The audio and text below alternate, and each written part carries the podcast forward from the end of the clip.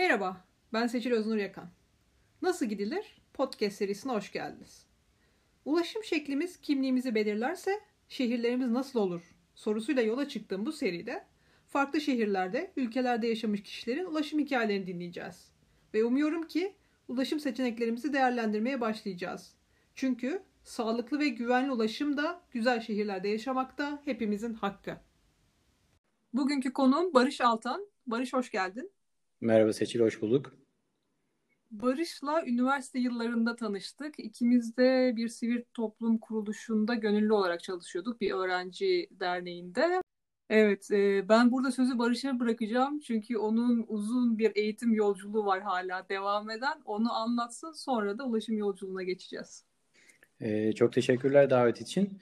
Ee, Antalya'da doğdum. Ee, ilkokul, ortaokul ve liseyi Antalya'da okuduktan sonra e, 93 yılında e, İstanbul'a İTÜ'de mimarlık okumaya geldim Taşkışla'ya. E, lisans ve yüksek lisans eğitimimi e, İTÜ'de tamamladım. E, yüksek lisansın restorasyon alanında. Sonrasında da e, hep kültürel miras alanında bazen sivil toplum kuruluşlarında bazen çeşitli projelerde çalışarak geçti e, eğitim ve çalışma hayatım. E, aslında eğitim hayatına epey bir ara verdikten sonra geçen Ağustos ayında e, şu anda bulunduğum Almanya'daki Cottbus şehrindeki Brandenburg Teknik Üniversitesi'ne araştırma görevlisi ve doktor araştırmacısı olarak geldim. Burada yine e, kültürel miras ama biraz daha e, özel olarak İstanbul'daki Bizans mirası e, üzerine bir e, doktor araştırması yürütüyorum. Hmm, çok güzel.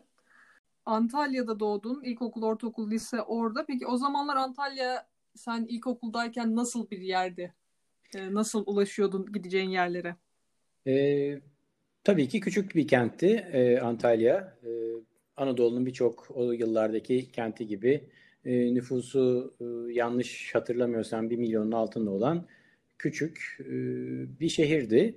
İlkokullu, e, ilkokula yürüyerek gidip geliyordum. Çünkü evimiz e, çok yakındı. Sanırım e, 4-5 dakikalık bir yürüme mesafesi gibi, gibi hatırlıyorum.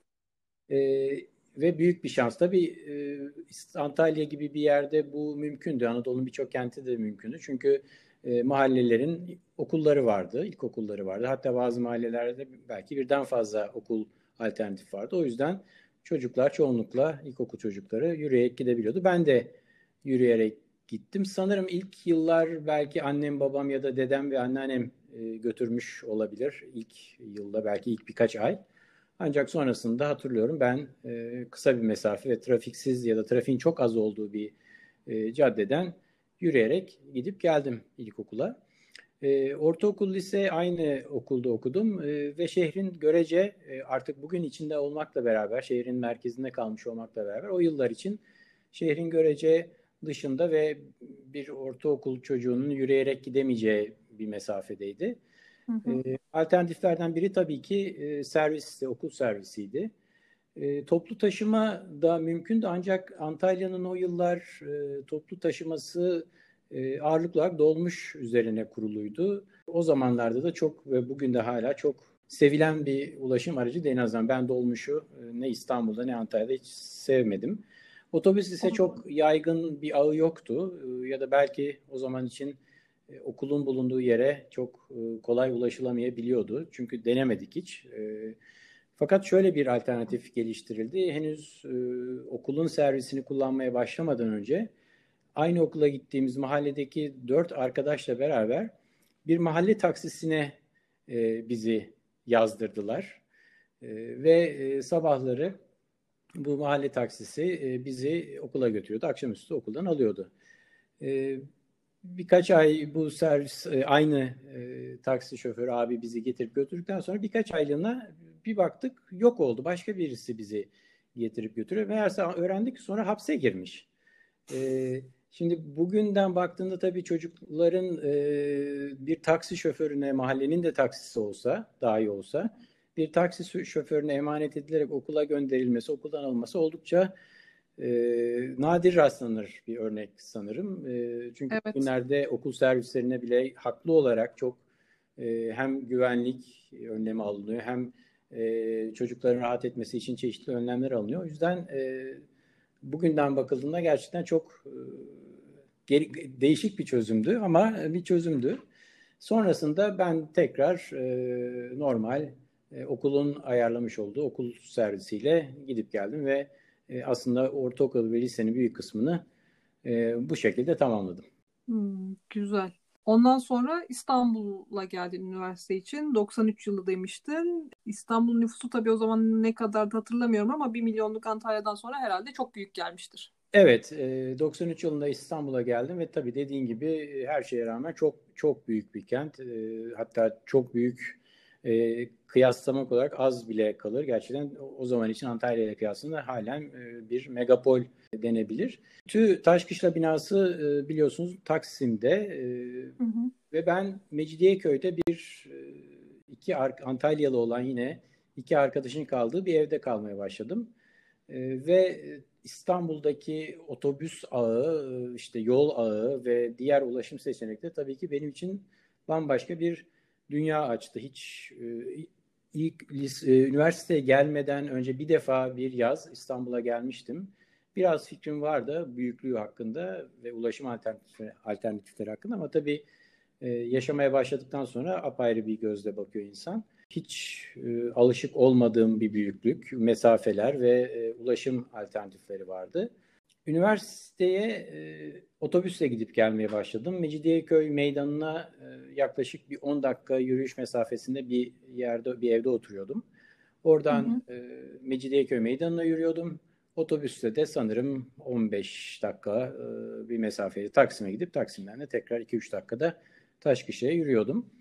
Bütün e, lisans eğitimim bu şekilde geçti. Gerçi metro hattının inşaatı başlamıştı. Çünkü e, Mecidiyeköy'ün ortasında kocaman bir delik vardı. Bir kazı hmm. yapıyordu. Ancak e, hatırladığım kadarıyla lisansın son yıllarında ancak e, bu hat devreye girdi. Yani Taksim Levent hattı ki o da Mecidiyeköy'den geçen hat.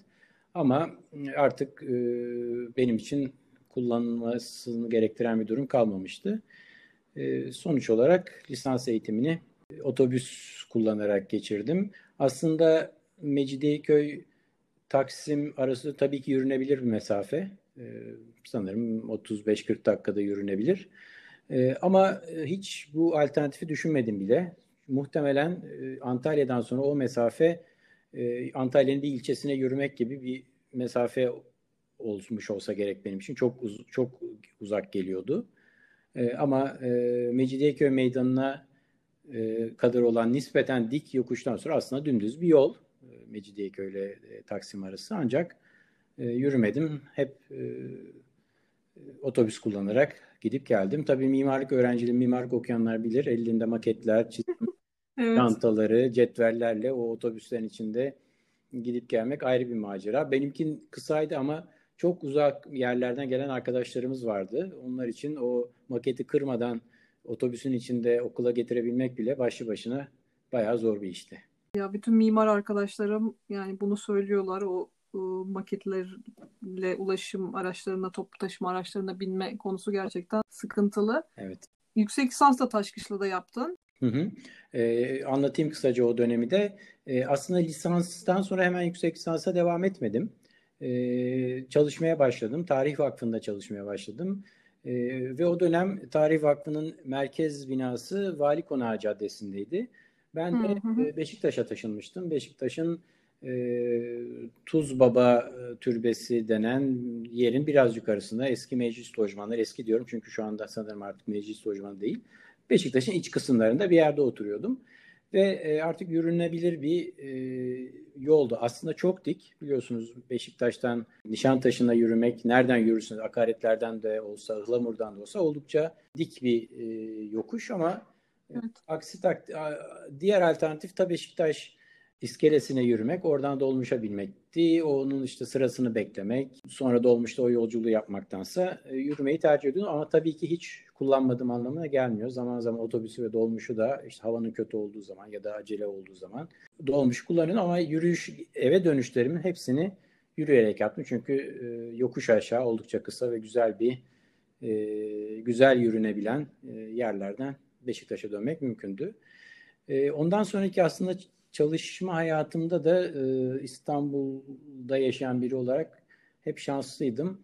E, çalıştığım yerlerle oturduğum yerler ya 4-5 e, metro durağı ya da 8-10 otobüs durağı bazı durumlarda yarım saatlik yürüyüşlerle halledilebilir şekildeydi. O yüzden karışık ulaşım alternatiflerini kullandım. Yürüdüm, otobüse bindim, metro kullanılabilir zamanlar başladığında metroya binmeye başladım. Ama e, her seferinde olabildiğince yürümeyi e, denedim. O olmuyorsa metro, o olmuyorsa otobüs, işte dolmuş ve benzeri taksi gibi yöntemleri en son hatta hiç kullanmamaya e, özen gösterdiğim bir dönem oldu. Bu bütün bu e, çalışma hayatının büyük bir kısmı aslında e, Avrupa yakasında geçti ve hep Avrupa yakasında yaşadım ama kısa bir e, kısa da sayılmaz aslında iki yılı biraz geçen bir süre e, Anadolu yakasında bir alanda çalıştım. E, Küçük Yalı Arkeopark, Maltepe ilçesinin sınırlarında kalan küçük bir arkeolojik alan. Aslında kurum olarak Koç Üniversitesi'nde çalışmaya başlamıştım ve Koç Üniversitesi tarafından yürütülen bir projeydi. O alanda yürütülen bir arkeolojik projeydi. Ve or ve o sırada da e, Harbiye'de oturuyordum. E, Harbiye'den e, gidip gelmeye başladım karşı tarafa Anadolu yakasına. Ve hı hı. aslında bu e, yıllar senin de hatırlayacağın e, üzere bisiklette tekrar tanıştığım yıllar oldu. Evet, e, bisiklette tekrar tanıştım dedin. İlk tanışma herhalde ilkokul, ortaokul vakitlerinde miydi? Evet, aslında benim hikayem Türkiye'de e, binlerce insanın e, yaşadığından farklı değil. Antalya'da ilkokul okuduğum, ilkokulda olduğum, Antalya'da yaşadığım yıllarda tabii ki küçük bir şehir, trafiği az bir şehir, nispeten düz bir şehir. O yüzden bisiklete binmek e, mümkündü ve yaz aylarında Antalya'nın bilenler için Lara plajında bir yazlık e, kamp alanına giderdik ve neredeyse dört ayımızı orada geçirdik. Orada zaten bisiklet hı hı. en büyük eğlencelerimizden biriydi ama hiçbir zaman bir ulaşım aracı olmadı. İlkokul, ortaokulda e, hep yazları ya da e, iyi havalarda mahallede gezmek, oynamak için bir eğlence aracı olarak bisiklet hayatımdaydı. Lise de sanırım artık yavaş yavaş çıkmaya başladı ve İstanbul'a gelişimle beraber bisiklete çok uzun yıllar herhalde hiç bilmedim ya da böyle belki bir arkadaşım bisikletine bir tur versene deyip e, çok çok kısa e, 8 dakika binmişindir ama evet ben sonra e, ta 2014 bahar aylarıydı hatırladığım kadarıyla tekrar bisikletle İstanbul'da tanıştım. Evet, nasıl oldu peki? Tam olarak bir ulaşım alternatifi olsun diye e, bu kararı almadım ilk başta. E, tabii ki bir ulaşım alternatifi olduğunu İstanbul'da giderek bisikletin yaygınlaştığını görüyordum ama biraz da aslında bir egzersiz olsun nu da istemiştim. E, fakat e, gerçekten aslında bisiklet gezgini dükkanı e, benim bisikletle tekrar tanışmam ve bir bisiklet almama e, öncülük etti. Sebebi de şu, e, tam olarak hangi bisikleti almam gerektiğini, nasıl e, bir ihtiyacım olduğunu çok iyi bilmiyordum ve bisiklet e, dünyasından ya da bisiklete yakın olan insanlardan kimseyi tanımıyordum. E, herhangi bir dükkana gidip tabii ki bir bisiklet alabilirdim ama bana uygun olur mu olmaz mı, ihtiyaçlarımı karşılar mı onu da bilmiyordum. Ta ki bisiklet gezgini dükkanında sizlerle, senle ve Alexis'le tanışıp ha sonunda e, bisiklet alırken güvenebileceğim, danışabileceğim biri var diyene kadar. Ve sonrasında bunun bir egzersizin ötesinde artık ulaşım alternatifte olsun diye bakınmaya başladığımda İstanbul için e, benim açımdan en uygun e, alternatifin katlanır bisiklet olduğuna karar verdim. Her ne kadar sizler e, tur bisikleti üzerine e, uzmanlığınız uzman olan bir kurum duysanız da yine de e, tabii ki bisikletin tüm halleri hakkında e, bilginiz vardı. Biraz konuştuğumuzu hatırlıyorum. E, olumlu ve olumsuz yanlarını katlanır bisikletin. Fakat e, ulaşım amaçlı kullanma e, kararıyla birlikte e, dediğim katlanır bisiklet almak istedim. Çünkü İstanbul'da halen herhangi bir süre kısıtlaması e, olmadan, daha doğrusu saat kısıtlaması olmadan hı hı. E, tüm ulaşım araçlarına, tüm toplu taşım araçlarına binebildiğiniz tek bisiklet türü katlanır bisiklet maalesef. Evet. Evet. Ee, ve ben e, şunu biliyordum. İstanbul'un zorlu yol şartlarında ya da zorlu hava şartlarında baktım bisiklette daha fazla devam edemiyorum. Çok yağmur var, çok yokuş oldu. E, bisikletimi katlar metroya ya da otobüse olmadı bir taksiye koyar gideceğim yere giderim diye düşünerek e, katlanır bisiklet aldım. İyi de bir iyi de bir seçim yaptığımı düşünüyorum katlanır bisiklet olarak. Çünkü sonrasında bu katlanır bisiklet aldıktan 5-6 ay sonra bir normal şehir bisikleti de aldım. Ancak aynı şekilde onu o bisikletle ulaşımı bu bir katlanır bisiklet kadar rahat sağlayamadığımı gördüm. Çünkü bazen işte otobüslere aslında binme hakkımız olmasına rağmen saat itibariyle e, otobüslere alınmama gibi herkesin İstanbul'da bisiklet kullanan çok insanın yaşadığı durumlar benim de e, başıma geldi. Evet evet yani katlanır bisiklet yani İstanbul gibi şehirlerde senin de anlattığın gibi çok önemli. Çünkü o esnekliği veriyor. Diğer türlü işte bisikletimi nereye park edeceğim? Yolda bir şey olursa işte aniden yağmur yağmaya başladı ya da bir şey oldu. İşte nasıl yapacağım derken hani o katlayıp işte yanına alabileceğim bir çanta büyüklüğüne geldiği için gerçekten birçok kişinin hayatında katlanır bisiklet böyle bisiklete ilk başladı ve şehirde ulaşıma başladı. Bisiklet türü olarak çok önemli bir yere sahip aslında. Evet. Sonra tabii şeyi de atlamayalım. Mesela katlanırı aldıktan sonra tabii bisiklete çok böyle hani hayatında almak isteyenler gerçekten ikinci bisikletlerini alıyor. Evet bunu söylemiştiniz. Onların bir noktada çok, yetmiyor. Evet, evet bunu çok iyi hatırlıyorum bunun e, gerisinin geleceğini. Gerçekten öyle oldu. E, kısa sayılabilecek bir süre sonra bir çok severek bir şehir bisikleti aldım.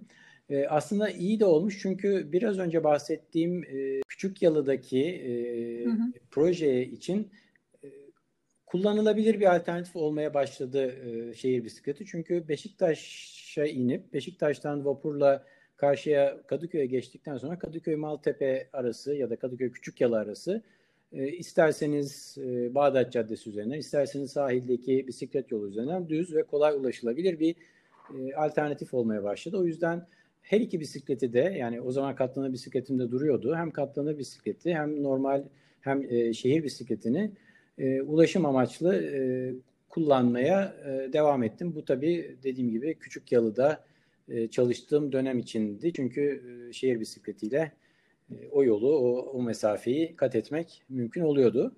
Sonrasında aynı kurumda yani Koç Üniversitesi'nde çalışmaya devam ettim. E, ancak bu sefer e, Sarıyer Rumeli Feneri'ndeki merkez kampüste çalışıyordum. Tabii oraya orası için katlanır bisiklet artık e, neredeyse tek e, çareydi. Sebebi de şu e, biliyorsun e, Sarıyer merkezden Ko- Koç Üniversitesi'nin bulunduğu Rumeli Feneri'ne kampüsüne çıkmak e, benim gibi bir şehir bisikleti kullanıcısı için mümkün değil. Zor. Çok zor. Yani mümkün değil. Benim için evet. mümkün değil ama tabii ki e, yol bisikleti e, kullananlar ve bu işi yarı amatör ya da profesyonel yapanlar için aslında güzel bir antrenman rotası. Zaten her gün, her sabah görürdüm.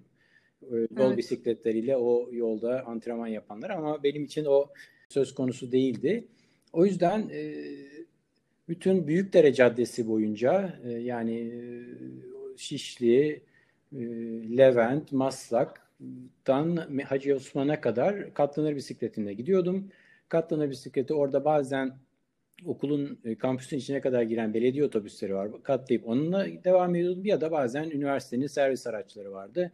Ona katlayıp o çok zorlu hattı e, bu sefer e, bir toplu taşımayla devam ediyordum ve böylece işte katlanır bisikletin ulaşım entegrasyonunda ne kadar avantajlı olduğunda bir, de, bir defa daha gördüm.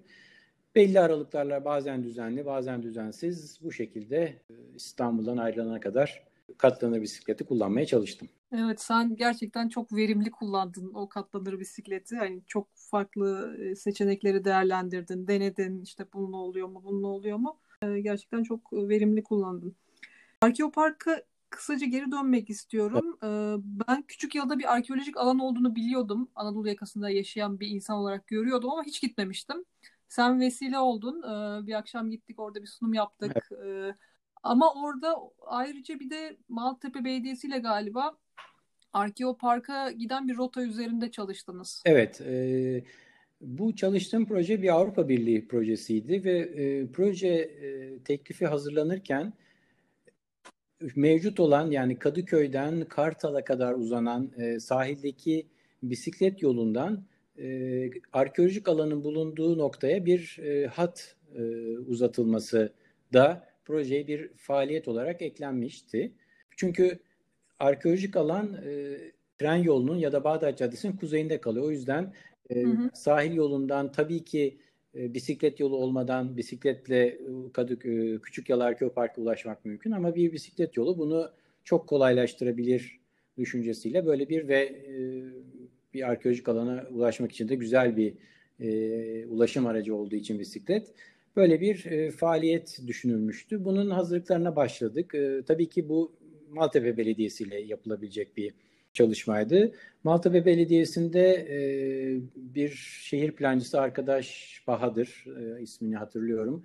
Kendisiyle e, bu konuyu çalışmaya başladı. Çünkü o da bisiklete binen birisiydi.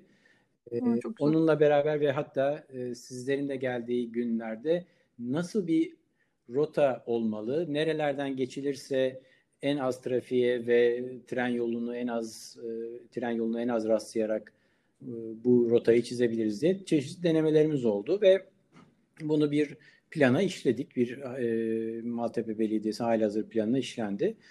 E, fakat maalesef e, yapılamadı. Sebebi de diğer onlarca yapılamayan bisiklet yolundan farklı değil. Çünkü belediye işte mahalleliği, esnafı şunu bunu kızdırmak istemedi bisiklet yolunu e, yaparak. Çünkü bisiklet yolu ister istemez bazı sokaklarda e, ya şeridin yarısını ya da şeridin tamamını kapatması e, gerekiyordu. Kaldırımdan e, bir bisiklet yolu yapılamayacağını için çünkü e, kaldırım genişlikleri uygun değildi. E. Bu e, fikir maalesef e, hayata geçemedi. Aslında Maltepe Belediyesi'nin e, Küçük Yalı'nın yakınlarında bir takım daha önce e, bisiklet yolu denemeleri olmuş. Sadece arkeolojik alan odaklı değil. E, daha ziyade E5 ile tren yolunu ya da e, sahil yolunu bağlayan. Fakat o girişimler de yine e, arabalarını park etmek, yola araba park etmek isteyen araba kullanıcılarının anlatıldığı kadarıyla e, onların e, tepkileri nedeniyle maalesef e, kadük bir girişim olarak kalmış. Bizim niyetimiz de maalesef benzer sebeplerden gerçekleşemedi. Bu bahsettiğimiz 5-6 belki 7 sene öncesi değil mi? Yani. Evet, e, 2000, e, 2013, 2015, 2016 arası evet yani neredeyse dediğin gibi 7 yıl öncesinin bir girişimi bu. İstanbul değişiyor tabii ki. Daha çok bisikletli görüyoruz. Belki bu planlar, o zaman yapılan çalışmalar belki kullanılabilir. Yani kullanılmasını ümit ediyorum tabii ki. Sen ne diyorsun? Evet. Ee, ama güzel bir çalışma olmuş en azından senin bisikletli hayatı deneyimlemen açısından hem bir mimar hem de işte bir yani kültürel miras çalışan birisi olarak nasıl entegre edebiliriz konusunda da e, bir deneyimli evet, olmuş. Evet hem o açıdan bir deneyim oldu hem e, kurumların e, bisiklet yollarına ve bisiklet kültürüne genel olarak bakışı hakkında daha içeriden bir izlenim edinme şansım oldu. Ondan öncesinde genel olarak duyduğum e, haberlerden ya da hikayelerden ibaret ama bizzat bir belediye ile bu işi yapmanın e, ne kadar zor olduğunu ki belediyede çalışan ve bisiklet kullanan ve bu işi çok sahiplenen insanlar olmasına rağmen bu insanların karar verici konumda olmamaları, karar vericilerin esas derdinin bir sonraki seçimde mahalleliden e, tepki alır mıyız, oy alır mıyız, alamaz mıyız olmasından ötürü nasıl yapılamadığını da birinci elden deneyimlemiş oldum. Evet, çok güzel özetledin gerçekten durumu. Anadolu yakasında çalışırken e, hiç minibüs ya da dolmuş kullandın Hayır, mı? hiç zaman hiç kullanmadım. E, bisikletle gidip gelmediğim zamanlarda e, Küçük Yalı Arkeo Park'tan e, E5 üzerindeki metro durağına yürümek yaklaşık 10 dakikaydı. Metroya yürüyordum. Metrodan e, metrodan e, evet metroyla e, metrobüse gidiyordum. Metrobüsle e, Avrupa yakasına geçerek böylece yine toplu taşıma kullanarak dönüyordum. Bazen de bir şekilde yürüyerek ya da yine Kadıköy'e metro ile giderek vapurla karşıya geçerek Avrupa yakasına varıyordum ama o dönemde hiç dolmuş kullanmadım ama bisiklet kullandığım zamanlarda ya zaman zaman dolmuş terörüyle ben de e, karşılaşmak durumunda kaldım Bağdat Caddesi üzerinde özellikle. Yani Antalya'dayken de dolmuşları sevmiyordum demiştin. Yani bunun evet. zaten hani İstanbul'da evet. gördüğün gibi haklı bir nedeni var. Var. Tabii. Mesela e, Koç Üniversitesi'nde çalıştığım dönemde de e, çok zorunlu kaldığım sanırım 4 ya da 5 defa e, dolmuşa bindim. Hacı Osman metro durağından e, Koç Üniversitesi'nin kampüsün içine kadar giren e, dolmuşlar var ve o yolu bilenler için ne kadar virajı, ne kadar dik, zaman zaman tehlikeli olabilen bir yol olduğunu biliyorsun. Orada bütün yolu cep telefonuyla konuşan şoförler, zaten arabanın oturma haddi işte 15 kişi ise 30 kişi gitmek yani bu bu hatta özel bir durum değil onu biliyorum ama o kadar tehlikeli bir yol ki aslında ve zaman zaman hı hı. dolmuş kazaları da duyduk. İşte çok virajlı yolda e, kaza yapmış. Maalesef e, Koç Üniversitesi'nden şehir merkezine ya da Sarıyer merkezine gitmenin e, alternatifi çok olmadığı için otobüs ya da üniversitenin aracını kullanamadığım durumda e, birkaç defa sanırım toplam beşi geçmez e, dolmuş kullanmak zorunda kaldım ve e, bir kez daha nefret ettim. evet evet her seferinde aynı duyguyu evet. yaşatıyorlar. İstanbul'dan sonra şu anda Cottbus'tasın Almanya'da e, yine küçük bir şehir. E, orada evin ve üniversite arası mesafe yakın mı? Nasıl gibi ee, geliyorsun? yakın. E, Cottbus küçük bir kent. 100 bin nüfuslu. E, dümdüz bir şehir. E, buraya gelirken e, katlanır bisikletimle beraber geldim. Ki birinci günden itibaren şehirdeki bütün ulaşımı bisikletle sürdürün diye. Çünkü zaten aslında e, bisiklet İstanbul'da bisiklet kullanmaya başladıktan sonra ulaşım amaçlı herkes gibi benim de hayalim bir Avrupa şehrinde yaşayıp insani şartlarda e, bisiklet kullanmakta ulaşımda. O yüzden e, hemen katlanır bisikletimi de e, buraya getirdim. E, ilk aylarda üniversitenin misafirhanesinde kalıyordum. Yani üniversitedeki ofisime 3 dakika yürüyüş mesafesinde. O yüzden tabii bisikletle gitmiyordum ama e, akşamüstü saatlerinde gezme amaçlı ya da markete gitmek için ya da bazen e, ve sonrasında e, hafta sonları çalışma arkadaşlarımla e, yakın mesafelere gezi amaçlı e, bisikletim çok e, işe yaradı. Şu anda oturduğum evle e, okul arası, üniversite arası bisiklette 7-8 dakika, yürüyerek ise 20-25 dakika. E, çok çok e, kötü hava şartları olmadığı sürece sürekli bisikletle gidip geliyorum.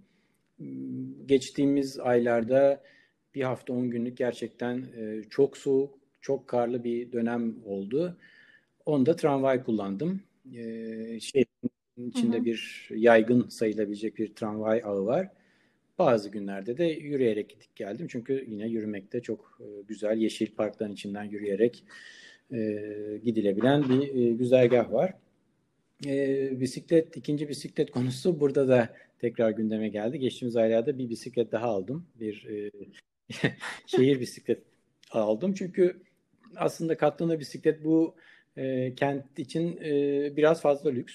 E, hiç ihtiyaç yok. E, çünkü e, bisikletimi katlayayım ve bir toplu taşımaya bineyim gibi bir, bir şey görmüyorsunuz. İnsanlar ya bisikletleriyle gidiyorlar ya da doğrudan toplu taşımaya biniyorlar. E, e, o yüzden ben de e, buranın şartlarına daha uygun olabilecek, biraz daha basit, e, işte tek e, single speed denen, e, tek vites mi demek doğru olur e, tam termin Vitessiz bir bisiklet aldım. Bakımı en az bakım gerektirecek ve en az e, sorun çıkaracak bir ikinci el bisiklet aldım. Şu anda onu kullanıyorum ama tabii ki burada da e, ikinci pardon katlanır bisikletin bazı avantajları var. Mesela trenle başka bir şehre giderken katlanır bisikletten ücret alınmıyor. Hmm. Ama normal e, bisikletinize belli bir ücret, e, bir bilet alarak biniyorsunuz. O yüzden e, Berlin'e oldukça yakın bir kent burası. Mesela Berlin'e giderken katlanır bisikletle gitmek halen avantajlı. Çünkü ayrıca bisiklete e, para vermiyorsunuz. Berlin içinde de toplu taşımayla yine bisikleti ücretsiz kullanmak mümkün. Hatta evet. şeyi de söyleyeyim. Ee, e, bu bilgiyi nasıl edindiğimi bir şehir yakındaki bir şehirdeki şehirden dönerken katlanır bisikletim ve trendeydik. Bisiklet e, açıktı e, görevli, bilet görevlisi gelip e, katlarsanın bisikleti ücretsiz dedi. Ve a dedim tamam o zaman hemen katlıyorum. Katladım ve böylece bisikletin e, ve bunu söylediler tabii ki yani söylemeye de bilirdi. Bilet kesebilirdi ama tabii ki e, burada bisiklet önemli bir e, iş olduğu için onun işte olması gerektiği gibi kullanılması için e, herkes yardımda bulunuyor. O yüzden böylece ben de bunu öğrenmiş oldum. Evet çok evet güzelmiş. 20 dakikada yürüyorum evet. dedin ya şu an e, ofis. Mesela Antalya'dan İstanbul'a taşındığında da işte Mecidiyeköy Taşkışla arası yaklaşık 20 dakika işte evet. yarım saat diyelim. Hani o zaman o mesafe sana çok büyük gözükmüştü. Yani elindeki maketleri vesaire evet. saymadan. Ama şu anda mesela referans noktan İstanbul olunca bulunduğu şehir herhalde e, yani çok küçük ve her yere ulaşımı hani yürüyerek sağlayabilirsin e, e, Kesinlikle öyle. E, şehir merkezi ve yakın çeperlerin her yerine yürümek mümkün. E, bisikletle ulaşımı hiç saymıyorum ne kadar pratik olduğunu. Hatta o kadar pratik ki aslında bisiklet. E, insan yürümekten bile bazen ya yürünür mü canım şimdi bu mesafe atlayıvereyim bisikletle gideyim diyorum. Ama evet yürümek e, burada çok e, kolay. Bir de e, bugün İstanbul'a döndüğüm dönsem veya döndüğümde 20 dakikalık mesafeyi yine yürümek istemeyebilir insan. Çünkü burada yemyeşil parkların arasından dümdüz bir yolda bir trafik gürültüsü olmadan yürüyerek gidiyorum gideceğim yere ya da her yere sadece okula değil.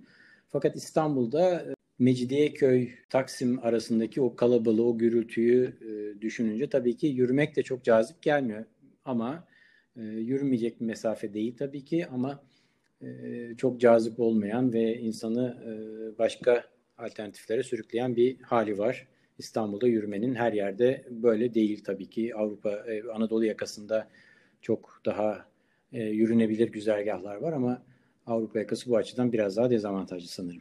Evet evet ya orada çok haklısın yani sadece mesafe değil bir de etrafla olan evet. ilişki tabii ki yani işte mesela kadınlar için karanlık sokaklarda gece yürüyememek işte ya da çok kalabalık zaten kaldırımlarda e, kadın ya da erkek fark etmez yürüyememe hissi çok şey, evet, e, kötü bir pandemi his. zamanında e, Şişli'de oturuyorduk e, e, buraya gelmeden önce ve e, Şişli'de kaldırımlar nispeten mesela Büyükdere Halas Gazi Caddesi'nin özellikle geniş olmasına rağmen şehir o kadar kalabalık ki orada bile insan yürürken korona açısından tedirgin oluyor. Çünkü maske de taksanız sokakta e, bir yere kadar insan kalabalığından kaçmak mümkün. Ama e, daha küçük kentlerde hı hı. en azından yürürken şu anın bugünün şartlarında bu pandemi şartlarında bu bile ne kadar önemli olduğunu gösterdiği büyük bir şehirde bu kadar yoğunluk insanların sokakta yürümesini bile zorlaştırıyor ve halen bu salgın tehlikesini e, bir miktar olsun arttıran bir duruma dönüştü. Evet öyle bir durum var. Ya ben üniversitedeyken İstiklal Caddesi'ni hatırlıyorum. Rahat rahat evet. yürüdüğümüzü. En son herhalde işte bir iki sene önce İstiklal Caddesi'ne gittiğimde artık o caddeye girmeden yandaki ara sokaklardan evet. nasıl aşağı inebilirim e, diye düşündüğümü hatırlıyorum. Evet. Çok güzelmiş. Sana orada bisikletli ve yürüyüşlü ve cıvıl cıvıl kuş sesli hayatta mutluluklar, başarılar ederim. diliyorum. Katıldığın için çok teşekkürler. Ee, Arkeo Park'ı bize gösterdiğin için ayrıca Ben teşekkür ederim. Gerçekten e, ilk iki bölümü e, çok e, e, severek dinledim. Özellikle ikinci bölümdeki sevgili arkadaşım e, dinlemek daha da hoş oldu. O çok oradan oraya giden ve daha çok e, yerde ulaşımı deneyimlemiş birisi. E, ama çok e, güzel bir girişim. Çok teşekkürler davet ettiğin için. Ya ben teşekkür ederim. Katlanır bisikletiyle ilgili sorusu olanlar Barış Altan'ı bu. Barış'ın da anlattığı gibi Almanya'da trenlere bisikletle binip inmek böyleyken Avrupa Bisikletler Federasyonu ECF web sitesinde AB üye ülkelerinin pandemi sonrası iyileşme planlarında bisikletle ilgili bölümlerini değerlendirdi. Belçika, İtalya, Romanya, Slovakya, Letonya ve Fransa AB üye ülkeleri içinde bisikleti iyileşme planları içine tam olarak dahil edenler.